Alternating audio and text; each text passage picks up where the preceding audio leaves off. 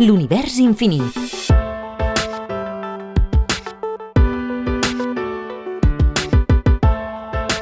Albert Morral, Agrupació Astronòmica de Sabadell. Eugen Antoniadi i la no existència dels canals de Mart. Eugen Michel Antoniadi va ser un astrònom francès de pares grecs, conegut per haver desmuntat la hipòtesi dels canals de Mart. Antoniadi va néixer a Istanbul, però va passar la major part de la seva vida a França. Va començar a estudiar arquitectura, però ben aviat es va apassionar per l'astronomia. Va començar a observar el firmament amb un petit telescopi i a fer-ne mapes. Al principi treballava a prop de la seva vila natal, però després se'n va anar a l'illa de Principo, al mar de Màrmara. Va enviar els seus treballs a França, a Camille Flammarion, un astrònom molt conegut, que els publicà a la revista Astronomy. Això li va permetre esdevenir membre de la Société Astronomique de França, el 1891, amb només 21 anys. El 1893, Flammarion el va contractar per a treballar com a astrònom, ajudant al seu observatori, ubicat a Juvisy-sur-Orge, on va treballar-hi durant 9 anys.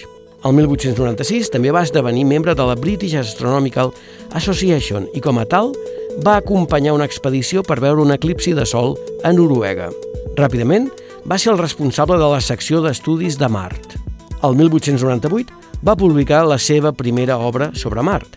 En aquella època es pensava que aquest planeta tenia canals construïts artificialment. Antoniadi era escèptic sobre aquesta teoria, mentre que Flammarion era un gran defensor de la mateixa. També va estudiar els anells de Saturn, Júpiter i la seva gran taca vermella. El 1902 es va barallar amb Flammarion i va marxar del seu observatori i de la Société Astronòmique de France. Se'n va anar a Anglaterra primer i a Turquia després.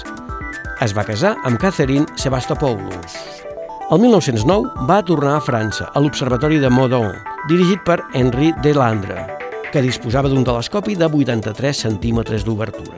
Amb aquest telescopi va poder fer mapes amb gran precisió de la superfície de mar i va desmuntar totalment la teoria dels canals marcians. Va demostrar que eren il·lusions òptiques degut a la complicada geografia de la superfície de Mart, amb les seves diferents àrees brillants i fosques. El 1930, Antoniadi va publicar La Planet Mar, en el qual presentava un resum de la topografia de Mart, donant un gran pas endavant en la recerca sobre aquest planeta. Va ser també un gran observador de Mercuri i de Venus. La seva obra, de 1934, La Planet Mercure i la rotació de satèl·lit, va ser publicada després de dues dècades d'observacions. Contenia el millor i més detallat mapa topogràfic de Mercuri de l'època preespacial basat en la hipòtesi de Giovanni Schiaparelli, que argumentava que aquest planeta sempre tenia la mateixa cara orientada cap al Sol. No va ser fins al 1965 quan es va descobrir que Mercuri no té una òrbita exactament d'aquesta manera, sinó que està en una ressonància orbital 2-3. Antoniadi va intentar descobrir el perquè dels enfosquiments locals a la superfície de Mercuri i va pensar que podria deure's a material fi en suspensió que es trobava a l'atmosfera del planeta va inventar-se una escala per mesurar la qualitat de les observacions degudes a la turbulència atmosfèrica. Aquesta escala va des de l'1 fins al 5 en números romans, 1 vol dir observació visual perfecta i 5 observació visual molt dolenta. Antoniadi va morir el 1944 a l'edat de 74 anys.